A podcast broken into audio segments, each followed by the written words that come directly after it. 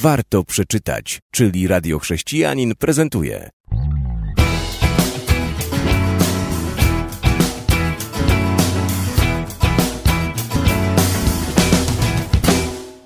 Witam bardzo serdecznie w naszej audycji. Warto przeczytać. Cofnę się troszkę do takich wydarzeń sprzed może dwóch lat. Wielka afera.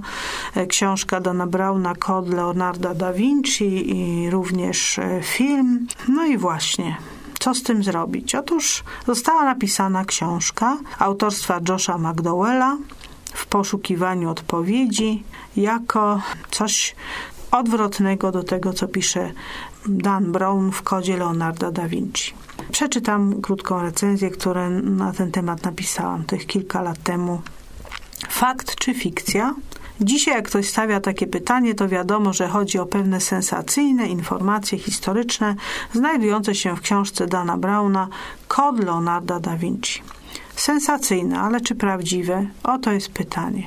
Autor twierdzi, że tak. Już w samym wstępie do książki stwierdza, że sama opowieść jest fikcją, ale wszystkie odniesienia do sztuki, literatury i postaci historycznych, i w tym do Jezusa, są prawdziwe. I tutaj zaczyna się problem, ponieważ podane przez niego rzekome fakty budzą wiele kontrowersji zarówno wśród ludzi wierzących, jak i poszukujących. Natomiast dla tych, co wątpią lub walczą, są jak woda na młyn. Czego one dotyczą, te jego fakty? Na przykład tego, że Jezus był mężem Marii Magdaleny i wychował z nią gromadkę dzieci, albo że istniało około 80 tajemnych Ewangelii, które jako jedyne opowiadały prawdziwą historię Kościoła chrześcijańskiego. Autor podważa tym samym wiarygodność Ewangelii, które znalazły swoje miejsce w kanonie Nowego Testamentu. I wreszcie Brown oznajmia czytelnikowi, że Chrystus został uznany za Boga poprzez głosowanie, które miało miejsce na soborze w Nicei w IV wieku naszej ery.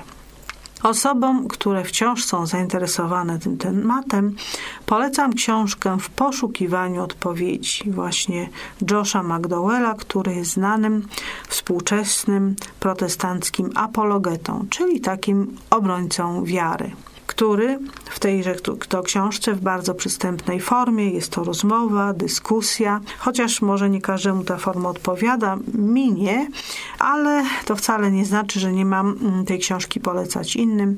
On właśnie w takiej przystępnej formie, dyskusji, rozmowie polemizuje z odkryciami w cudzysłowie Brauna. W przedmowie do tej książki czytamy tak. Choć książka ta jest przeznaczona przede wszystkim dla tych, którzy przeczytali Kod Leonarda da Vinci albo obejrzeli film, to znajomość powieści nie jest konieczna, by skorzystać z tej niewielkiej pracy 125 stron jej celem nie jest zepsucie przyjemności śledzenia sensacyjnego wątku powieści Dana Brauna, lecz zagłębienie się w twierdzenia i tajemnice, które odkrywamy na kartach tej powieści. Tak więc warto mieć taką książkę w zasięgu ręki, aby być gotowymi do obrony przed każdym, domagającym się od nas wytłumaczenia z naszej nadziei. To już jest cytat z pierwszego listu Piotra, trzeci rozdział, szesnasty werset. Lub pomóc tym, którzy nie wiedzą, co jest prawdą, a co nie.